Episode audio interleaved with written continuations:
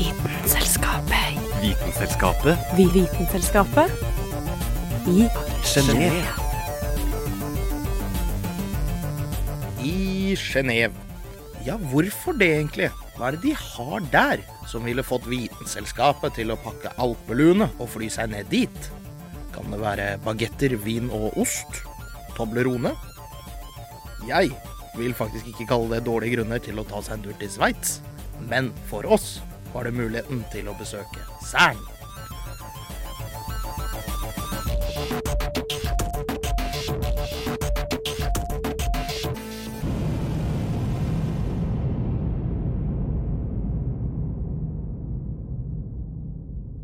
Hei, og hjertelig velkommen til den første sendingen i programserien Vitenselskapet i Genéve. Som nevnt er det spesielt én ting som ligger i Genéve som fascinerer naturvitenskapelige hoder verden over. CERN, det europeiske senteret for kjernefysisk forskning. Og jeg vet, partikkelfysikk er litt over my playgrade også, for å si det sånn, men det flotte er jo at de som jobber der er såpass flinke at det gjør det mulig for selv oss lekmenn å forstå hva de faktisk driver med. Og gjennom de neste ukene skal vi forsøke akkurat det. 2500 ansatte, 12 000 forskere fra 170 land. Og jeg skal ikke påstå at vi har rukket å snakke med alle disse, men jeg drister meg til å si at kremen, folkens, den skal vi servere dere de neste ukene. Jeg heter Dag Leo Magnussen, og du hører på Vitenselskapet.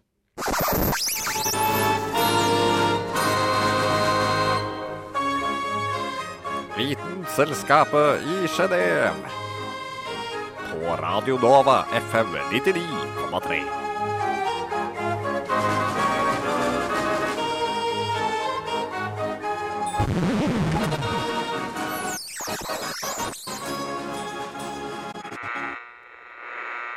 Mange har hørt om CERN, og det overveldende flertall vil forbinde Det europeiske senteret for kjernefysisk forskning med partikkelakseleratoren, The Large Hadron Collider.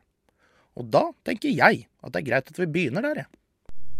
En av CERNs store stoltheter er LHC, Large Hadron Collider, verdens største og kraftigste partikkelakselerator.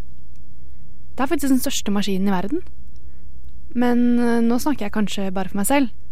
Men bare ordet partikkelakselerator Partikkelakselerator, liksom. Det gjør meg litt skjelven.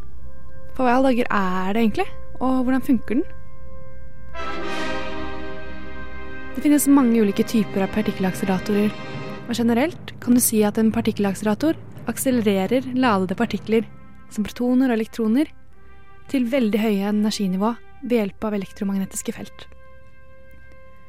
LHC-akseleratoren er en underjordisk sirkulær tunnel en omkrets på hele 27 km, krysser tre landegrenser og består av flere deler, der partiklene går gjennom flere steg før de faktisk når hovedtunnelen.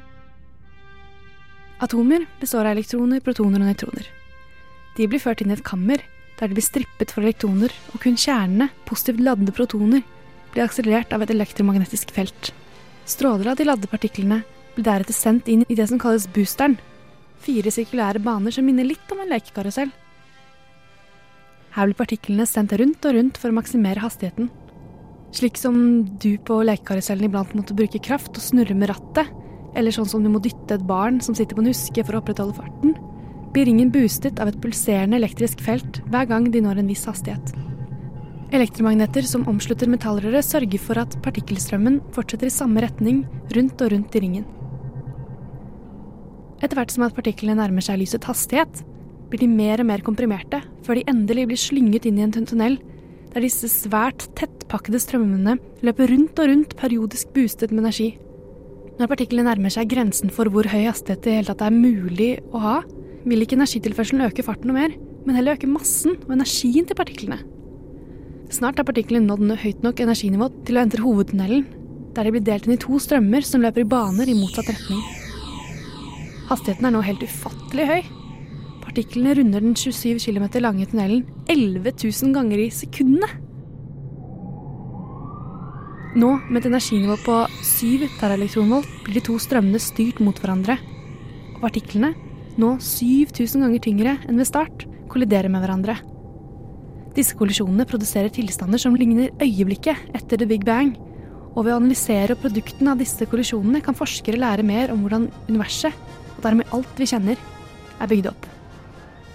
Ganske fett, eller hva?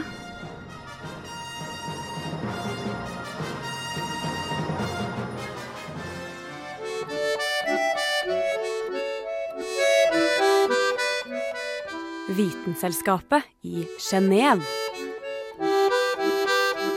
På Radio Nova FM 99,3.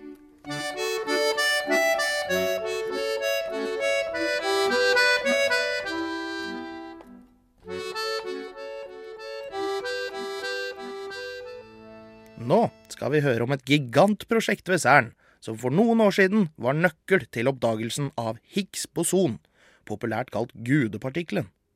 Og gjør man slike oppdagelser, følger det naturligvis med en viss popularitet for besøk. Og det kan medføre noen praktiske problemer. So if people want to hear about LHC, the Higgs boson, at last they all end up here. And that's the reason why the control room has this window. Because originally we were going directly into the control room and of course disturbing the people who work. So at some point we made a deal that we have this zoo-like thing. Atlas er det største nåværende eksperimentet ved CERN, og er knyttet til den berømmelige akseleratoren LHC, The Large Hadron Collider. CERN er for øvrig eksperter på akronymer, og du lurer kanskje på hva Atlas står for. A-Toroidal LHC Apparatus er det fulle navnet. Og man kan se at ønsket om at akronymet skulle bli akkurat Atlas, var stort da det skulle lages. Atlas er nemlig navnet på titanen fra gresk mytologi, som som straff for å ha kjempet mot Olympens guder måtte holde oppe himmelhvelvingen, slik at jord og himmel kunne forbli separerte. Han ble derfor assosiert som selveste aksen jord og himmel spinner rundt. Aspirasjonene til Atlas-eksperimentet er tilsvarende store. Å undersøke fundamentale partikler til universet og se hvorvidt de passer inn i fysikkens standardmodell av kosmos. Vitenselskapet fikk ikke anledning til å besøke selve detektoren, men det å se inn på kontrollrommet der de satt med datamaskinene og modellene, var som å se på laboratoriet i Jurassic Park. Obviously, you cannot go down. Nobody goes down because at the moment LHC is running. Uh, the, what we call a run is usually, closely speaking, three, three years. So we had run one for three years. When we call running, it's it's really also it means you know everybody just you know get try to get as much uh, data as possible. It's really it's, it works 24 hours a day, seven days a week. I mean there is no there is a stop around Christmas. Strengt tatt er Atlas en detektor som er bygget for The Large Hadron Collider, og den er designet for å dra nytte av den enorme energien tilgjengelig ved LHC. LHC er i sannhet stor.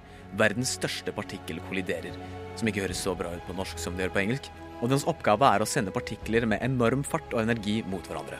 De påfølgende krasjene måles dernest av detektoren, satt opp på flere forskjellige steder på den enorme underjordiske ringen. En ring som måler 27 km i omkrets, og som på det dypeste befinner seg på en dybde av 175 meter under jorda. LHC er for øvrig det største eksperimentelle anlegget noensinne bygget, og den største enkeltmaskin i verden.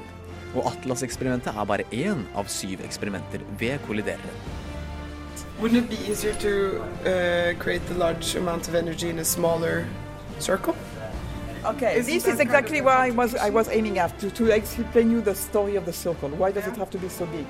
If you look at the old maps of CERN, I mean, uh, I mean, I, I- when CERN was created uh, 62 years ago, the accelerators would fit into a room. I mean, maybe not that size, but more or less this kind of, of space. The reason why we go, went larger is that if you want to curve the trajectory, you have to apply a magnetic field. But the more energy the particles are, the stiffer they are. They just get stiffer. This is just the way electromagnetism works. Which means that if because we want to go higher and higher in, in energy, then it's stiffer and stiffer. So what you do is to do the best magnets you can do. And at the moment, we have the best we could do uh, technically, let's say 15, 20 years ago. Now there are people doing R&D to, to have more magnets which might be more intense, but at the moment, this is the best we can do. And once you have reached your ma- technical maximum, the only way is just to increase the circle. Yeah, because you That's can't all. bend the Yes, exactly. anymore. So we increased it, actually, and this is where we discovered that being squeezed between a lake and a mountain was maybe not the best place to be, but it was not known 62 years ago. because 62 years ago, everything was fitting into more or less, you've seen the AD, this was a typical rink in the 60s and 70s. I mean, now AD is very specific and very, also very high tech, but it gives you an idea of what it looked like. Selv om Atlas-detektoren kun er én av detektorene ved LHC, så er dens proporsjoner gigantiske. Den er like tung som Eiffeltårnet med sine 7000 tonn, og inneholder 3000 km med kabler. Atlas-detektoren er en såkalt all-purpose detektor, som har som oppgave å undersøke mange fenomener som har å gjøre med fundamentale partikler i universet, og deres interaksjon. I Atlas måles interaksjonene til protoner som kolliderer med enorm energi. Protonene blir hentet fra det enkleste atomet, nemlig hydrogenatomet. Protonene blir separert og sendt inn i LHC fra en mindre reaktor. Så fort protonene har begynt på sin runde rundt den enorme sirkelen, er Atlas klar for å registrere kollisjonen. En ekstremt stor mengde data blir registrert. Målet er å undersøke aktiviteten i energien som blir utløst av partikkelkollisjonen, for på den måten å finne ut av eksistensen til postulerte fundamentale partikler som ennå ikke er målt. Then all the steps which are PS, SPS, and, and the SPS is a few kilometers, are used to accelerate these guys until their speed is almost, I mean, the speed of light. And then we don't, term, we don't speak about speed anymore, we speak about energy, because at some point the speed is almost, you know, just varying a little bit, but they gain more and more and more energy. Stemmen vi hørte fra Atlas, er forskeren og pressekontakten Claire Adam. Og det kommer mer fra Atlas og Claire senere i denne programserien. Du Du Du hø hø hører på. på Radio Nova. Og allerede, faktisk, skal vi en liten sviptur tilbake til Claire. For liten tue kan som kjent velte stort lass. Og driver man med partikkelfysikk, som krever så enorm nøyaktighet og sensorfølsomhet, skal det nemlig ikke så mye til før ting kan gå litt gærent. With the visual, we had uh, issues with the, uh, the museums who wanted to have it. Because believe it or not, there are museums of famous animals in the world. And they wanted to have the whatever remains from it. I do not believe that people knew where it was, but it's, uh, Did you find it? Like, did you? Well, I mean, people people saw it. This is how they understood what had happened. Det er ikke lett å stoppe en stor maskin på 27 km, men noen klarer det. LHC er Large Hadron Collider, som er verdens største partikkelakselerator. Den blir brukt til å knuse protoner med fart på nært lysets hastighet. Det var en gang nå i april i år at en liten hårete luring hadde kommet seg inn på området på Cern i Genéve, og tatt seg en liten smakebit eller to av anlegget. Dette gjorde at hele LHC måtte stoppe opp. Å fikk selve problemet tok bare noen dager, men det tok rundt to uker på å få det opp og gå igjen, så mye jobb for en så liten krabat som trolig var ei røyskatt eller en mår. Det var en omformer som sendte ut 66 kilovolt som ble ødelagt. Og for å sammenligne, så er 1 kilovolt 100 volt med energi, så stakkars lille krabaten ble nok godt stekt. Den slutta å funke den dagen LHC gjorde seg klar for å fange data på Higgs boson, en fundamental partikkel som ble oppdaga i 2012. Forresten så er ikke dette første gang LHC blir stoppa av elektriske problemer forårsaka av et dyr. Anlegget ligger på grensen mellom Sveits og Frankrike, så det er kanskje ikke så overraskende at ei due ble litt uh, glatt på fingrene og mista sin kjære bagett på elektriske ledninger. Jeg vet ikke helt hvem tapet var størst for.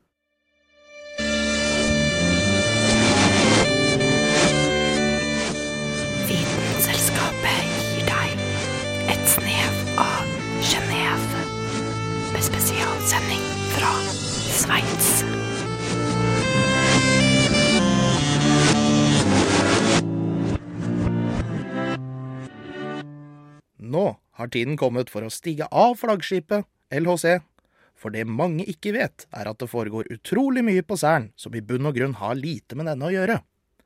Vi møtte den norske forskeren Lillian Smestad, som jobber med nettopp ett av disse eksperimentene. Hallo! Hei, hei. Hei, Johanne. Lillian, Hei. hyggelig.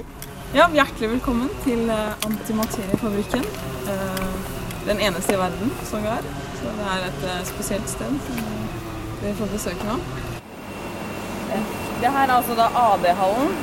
AD står for antiproton decelerator. Eh, og det er den eh, maskina som gir oss eh, antiprotoner. Eh, og oss, det er altså det eksperimentene. Da. Jeg, jeg jobber med Aegis-eksperimentet, som jeg skal introdusere snart. Eh, men først litt om AD. Eh, AD, antiprotondestilleratoren, er på mange måter eh, motsatt av LHC. LHC kjenner jo de fleste til når man vet noe om sein Det er liksom det som er flaggskipprogrammet. Eh, som dere har, har eh, søkt dere opp på sjøl, så er det jo mye som foregår på sein utover LHC. Og det er litt morsomt, syns jeg, at dere har valgt dere ut i, de, de som ikke er LHC, da. Det er ganske kult. Um, og AD og Antimateriefabrikken er en av sånne, sånt sted eh, på CERN. Eh, motsatt av LHC, eh, fordi LHC har jo som jobb å gi protoner så mye energi som mulig. Akselerere protoner. Mens AD eh, har som jobb å deselerere, altså få til å gå saktere og saktere. Antiprotoner.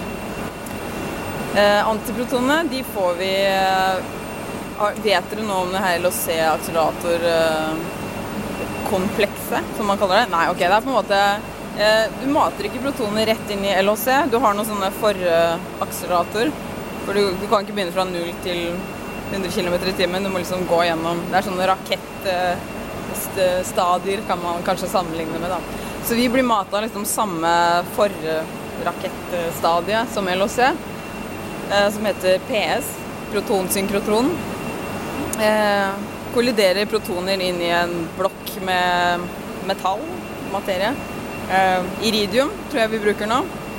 Og der, bare fordi det kan skje, så da skjer det av og til, blir materie- og antimateriepar skapt ut av den energien i den kollisjonen.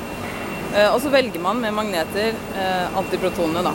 Da kan man velge ladning og masse. Og så mater man de antiprotonene inn i AD, som vi står egentlig rett på toppen av nå. Den går rundt denne bygningen. Omkretsen rundt bygningen. Og bremser da antiprotonene i, på forskjellige måter, tre forskjellige måter. Eh, før eh, de antiprotonene blir mata inn i eksperimentene, som alle er liksom inne i ringen, da. Så i midten på en måte av bygningen her. Eh, nå har vi fem forskjellige eksperimenter som kjører. Vi har Aegis, Alpha, A-Trap, altså Cosa og Base. Det her er Aegis. Det er det eksperimentet jeg jobber med. Dere kan gå til kanten og titte over hvis dere vil. Kunne slått meg som et litt avansert vaskeri i dag, Drammer. Ja, det kunne faktisk det, Dag. Det er det som er interessant. Det er både hyperteknologisk og også litt sånn, ja, litt sånn på Grand Prix-opplegg til tider. Du har ledningen og ikke Og en, sånn, ja, en interessant kombinasjon av sånn betong og litt slitne greier, og enorme generatorer. For det du forventer egentlig er jo at det skal være sånn hyperstrømlinje alt sammen, men når man faktisk gjør eksperimenter, så er det med gamle materialer og Ja. ting er spartansk. Og ting hører sammen uansett, så enhver av disse 1000 millioner ledningene har en funksjon. Så de forskjellige eksperimentene eh, i AD-hallen eh, har som jobb å se på antimaterie fra litt forskjellige vinkler, på en måte. Eh, prøver å studere flest mulig as aspekter for å bli mest mulig kjent med antimaterie. Og det eksperimentet her, Aegis, eh, har retta seg inn mot eh, gravitasjon. Så vi har lyst til å vite hvordan antimaterie faller, rett og slett. Hvordan responderer antimaterie på gravitasjon? Eh, altså, ok, Hvis du hadde hatt et eple og et antieple, hvordan ville de falt da? Eplet ville falt mot jorda, som det her vet vi, har vi studert lenge. Men hvordan ville antieplet falt? Ville falt akkurat på samme måte, samme hastighet som eplet? Eller ville det falle litt saktere? Eller veldig mye kjappere? Eller kanskje opp? Det hadde vært skikkelig skikkelig sprøtt. Det hadde vært vanvittig sprøtt. Det er ingen som forventer det, men det hadde vært veldig veldig Veldig anti, ja. Da hadde det kanskje fortjent det her antimaterienavnet til slutt. Hvorfor? Det er eh, rett og slett fordi vi som mennesker er nysgjerrige. Vi er alltid drevet av den her nysgjerrigheten. Helt siden vi plukka opp noe som helst og tenkte det her kan vi bruke på en eller annen måte, har vi jo lurt på, liksom. Har dere noen tanker om hva dere finne? Ja, vi har jo det. Eh, Vi tror jo da på den mest kjedelige hypotesen, på en måte. At materie antimaterie faller på akkurat samme måte som materie. Det er jo det som er forventa fra Det er jo også det Einsteins generelle relativitetsteori er bygget på. Da. Det er noe som heter weak equivalence principle. Tidenes kjedeligste navn, men det, det betyr liksom at all materie faller på lik måte. Så har du masse, så oppfører det seg universelt, da. på en måte. Um, hva kaller de det? Universality of free fall. Ja. Um, så det er det vi tror vi finner, da. Men uh, vi veit jo ikke før vi har utført det eksperimentet. Og det er ingen som har gjort det før. Vi har rett og slett ikke målt direkte på antimaterie og hvordan det faller før, da. Så vi veit ikke. Det er, liksom, det er jo teoretisk mulig at det faller oppover. Det er bare ikke så sannsynlig. på en måte. Hvis det ikke, og hvis det ikke oppfører seg som vanlig materie, så åpner det opp en del ting som F.eks. hvis det faller oppover, som har vært helt vanvittig sprøtt, men hvis det faller oppover, så kan vi gå tilbake til det her jeg sa helt til starten, altså hvorfor er vi her? Da er det spørsmålet på en måte kanskje ikke gyldig lenger. Um, fordi i starten, ok, du hadde materie og antimaterie, det møttes, ødela hverandre, hadde bare vært ren energi. Men det skjedde ikke, så vi er her. Det må være en eller annen ubalanse, da. Men hvis det er sånn på en måte total ubalanse at antimaterie faller oppover, så betyr det at materie og antimaterie gravitasjonelt frastøter hverandre. Som betyr at de her områdene i universet med materie og antimaterie ikke har lyst til å møtes. Da. Og da kan du kanskje ha en, et område av universet som er bygget av antimaterie. Da. som antiverden. Det er jo heller ikke så sannsynlig, men det er liksom den sprøeste konklusjonen. Vi er nysgjerrige, vi må jo vite det her. Og uten å foregripe begivenhetene, kan vi si at det kommer mer fra Hadehallen, Lillian og det som foregår der senere i denne programserien. There's hydrogen and helium, then lithium, beryllium, boron, carbon everywhere, nitrogen all through the air with oxygen so you can breathe. Du hører på Vitenselskapet på Radio Nova. Magnesium, aluminium, silicon, phosphorus, then sulfur, chlorine, then argon, potassium, and calcium so you'll grow strong. Scandium, titanium, vanadium, and chromium, and manganese. Kan partikkelforskning brukes for å finne en kur mot kreft? Ved Solde-prosjektet på Cern kan de hente ut elektrisk ladede atomer for å bruke dem i medisinen til å kartlegge eller drepe svulster. So if you imagine that um, you collect the ions for example, terbium or fluorine 19, you collect them there and bring them to the hospital. Then they creating a solvent out of it, so a solution, and inject them into a patient. And if you put the radioactivity in it, then it marks your region of interest. And then if you put someone into a PET or a PET CT, and then you can track the radiation. And then you get an image of the brain itself in that case. André Vega er doktorgradsstudent ved Isolde. Han snakker om hvordan de kan bruke isotoper henta ut ved anlegget deres, for deretter å injisere dem inn i kroppene til syke mennesker. Tanken er at disse partiklene vil sende fra seg stråling som gjør at man kan få helt presise bilder av svulstene, eller at de til og med kan brukes til å angripe spesifikke svulster. You need a specific um, like, for example, sugar or protein that the tumor likes a lot. So, for example, if you have the perfect food for just a tumor cell, and you can inject into the body, the whole body will not eat it, the cells, because the tumor cells like it more. And if you put uh, radioisotope in it, and it decays in the tumor cell itself, then you have a double string break of the DNA or the RNA, and then the tumor cells are dying.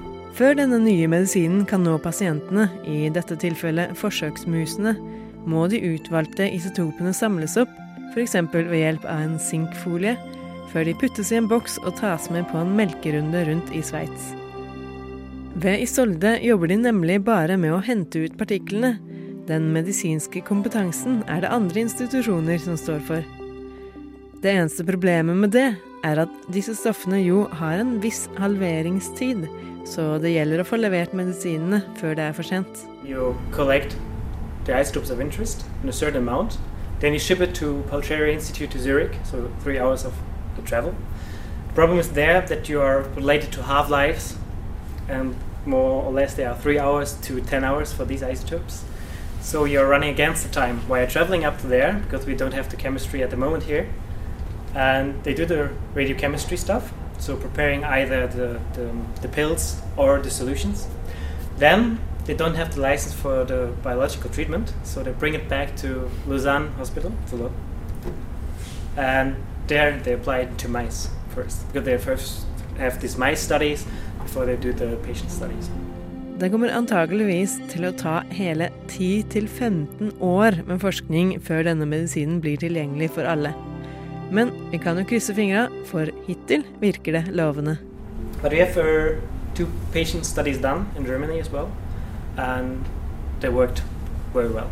So we are looking forward to this new radionuclide cancer treatment studies, and also uh, every year we have two collection phases. So it's just two or three days, and then we bring all the stuff to Pasteur Institute, and then in the hospital Lausanne we treat the mice. And usually eight to 10, nine out of ten are treated very well. They have really big tumors, like really that big, like a nut, a hazel, hazelnut, or even bigger walnut, and then they're really healed. So this is really the future perspective. I tillegg til at det tar lang tid å utvikle en ny type medisin, er det ikke heller sikkert at det i det hele tatt kommer til å bli finansiert. Det kommer nemlig an på om noen av de store medisinprodusentene synes at prosjektet er interessant nok. Du lytter til Radio Nova på FM 99,3. Det er en gammel drøm, men med vår tids teknologi er det faktisk mulig. På Isolde kan man gjøre om grunnstoffer, ja, til og med til gull. Har du alltid hatt en drøm om å bli en god gammeldags alkymist? Vil du også lage gull? takes a while and a lot of money to produce it, and it's not worth it, but you can. Yeah. Ved hjelp av stråler produsert av en partikkelakselerator kan dette nemlig være mulig. Hva med å bestråle litt kvikksølv for å tjene noen raske penger? An experiment here at the end um, where we used mercury beams, and mercury isn't as profitable, but of course then it, it, it beta decays into gold. So when you implant it, after a while you start collecting all of this gold. Uh, we, we, we had something like 100 million Kilo? ions per second of mercury, which, which sounds like a lot, but 100 million is still something like, I don't know, some very, very tiny fraction of one gram. Men altså, lage gull. So even though we have hundreds of millions of ions per second, it's still, yeah, we can't make a, a gold ring. Lage gull? And it would be radioactive anyway.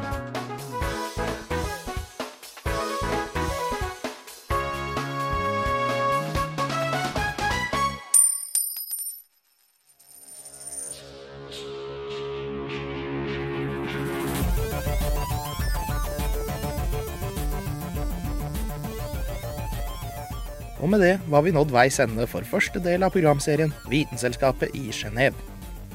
Medvirkende til denne sendingen var Kristin Grylland, Carl Adams Kvam, Johanne Furuseth, Dag August Schmedling Dramer, Sunniva Sol Stannes Blix, Ida Katrine Vassbotn og meg, Dag Løvold Magnussen. Programserien Vitenselskapet i Genéve er produsert med støtte fra Medietilsynets tilskuddsordning for lokalkringkasting. Og apropos lokalkringkasting, så er vi tilbake neste uke med andre del av denne programserien.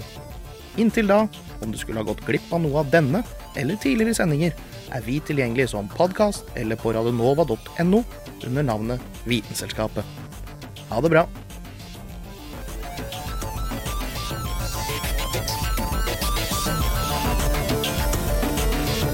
Vitenselskapet. Vitenselskapet. Vi Vitenselskapet. I Genéve.